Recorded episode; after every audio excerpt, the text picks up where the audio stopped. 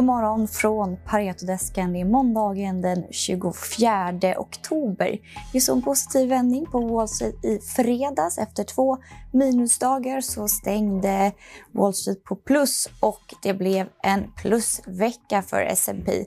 S&P för stängde i fredags på plus 2,4 procent och för veckan stängde S&P plus 4,7 procent. Den här veckan blir spännande. Vi får många stora tech-rapporter. Tech-rapporter och eh, ja, kommer relief-rallyt vi såg förra veckan att hålla i sig. Good morning Chris Watling. We saw a bit of a relief rally last week. Do you think this will continue this week?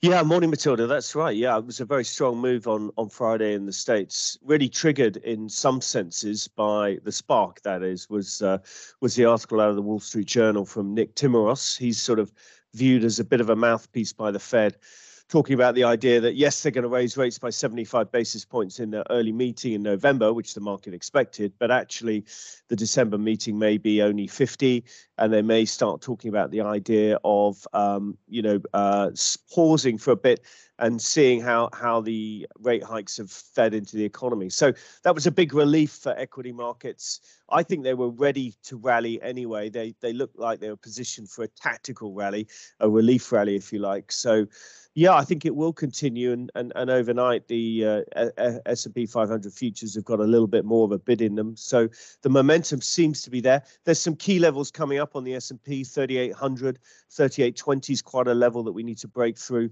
and there's quite a few levels as you go up towards the 50 and 200 day moving average. Um, but but yeah, it looks um, it looks good to me. The, the the the sentiment is very bearish the narrative is very poor out there. That's a good contrarian signal.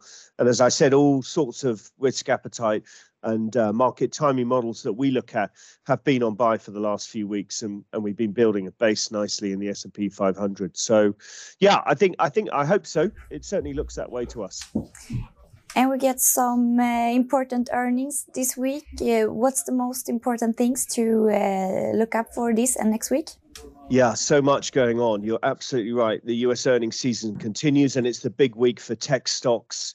Uh, a whole bunch of them Amazon, Apple, uh, Microsoft, um, Google. Uh, it's a long old list of, of, of, tech stocks reporting this week. It's heavy, heavy on them Twitter, Meta, and so on over the course. I think Tuesday, Wednesday, Thursday all come out. So they'll, they'll be critical and of course, and, and of course, coming into this earnings season, uh, expectations were pretty depressed.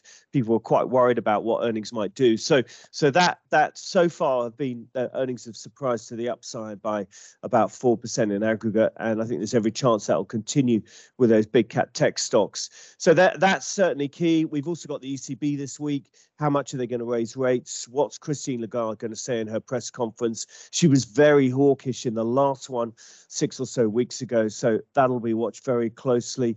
Uh, and we got German IFO, we've got Eurozone lending survey, we've got Eurozone M3, we've got lots of stuff out the states. Uh, we got some French, also French and German first flash CPI back end of the week. So tons to keep an eye on, tons to keep this market interested, and and hopefully lots of reasons that will keep this rally continuing. I would have thought so. Thank you Chris. Ja, I Asien är det blandat och eh, Hongkongbörsen Hang Seng är ner 6% lägsta nivån sedan 2009. Hang Seng eh, Tech-index är ner hela 8 och Alibaba handlas på all time low. Så att det är riktigt tufft för konsumenten just nu. Och här i Sverige har vi fått rapporter från Akelius, Nederman och Ratos. Och tittar man på Ratos ser man även där att eh, konsumenten är svag och mår inte så jättebra. En svag konsument håller tillbaka en annars väldigt stark rapport i Ratos. Här på Pareto har vi släppt uppdateringar på Castellum, Fabege och Diö, så vi är generellt sett positiva till kontorssegmentet givet starka balansräkningar, sunda finansieringsmixer och starka uthyrningssiffror. Men vi är lite mer avvaktande till Stockholmsområdet på, på kort sikt med risk för eh, vakanser, lägre hyresnivåer och låga yieldgap.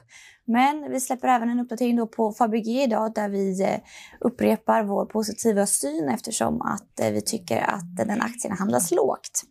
Vi släpper också uppdaterade analyser på Autoliv och Munters.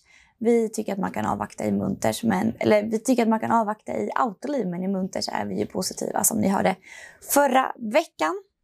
Det var det jag hade att bjuda på idag. Fortsatt trevlig vecka på er.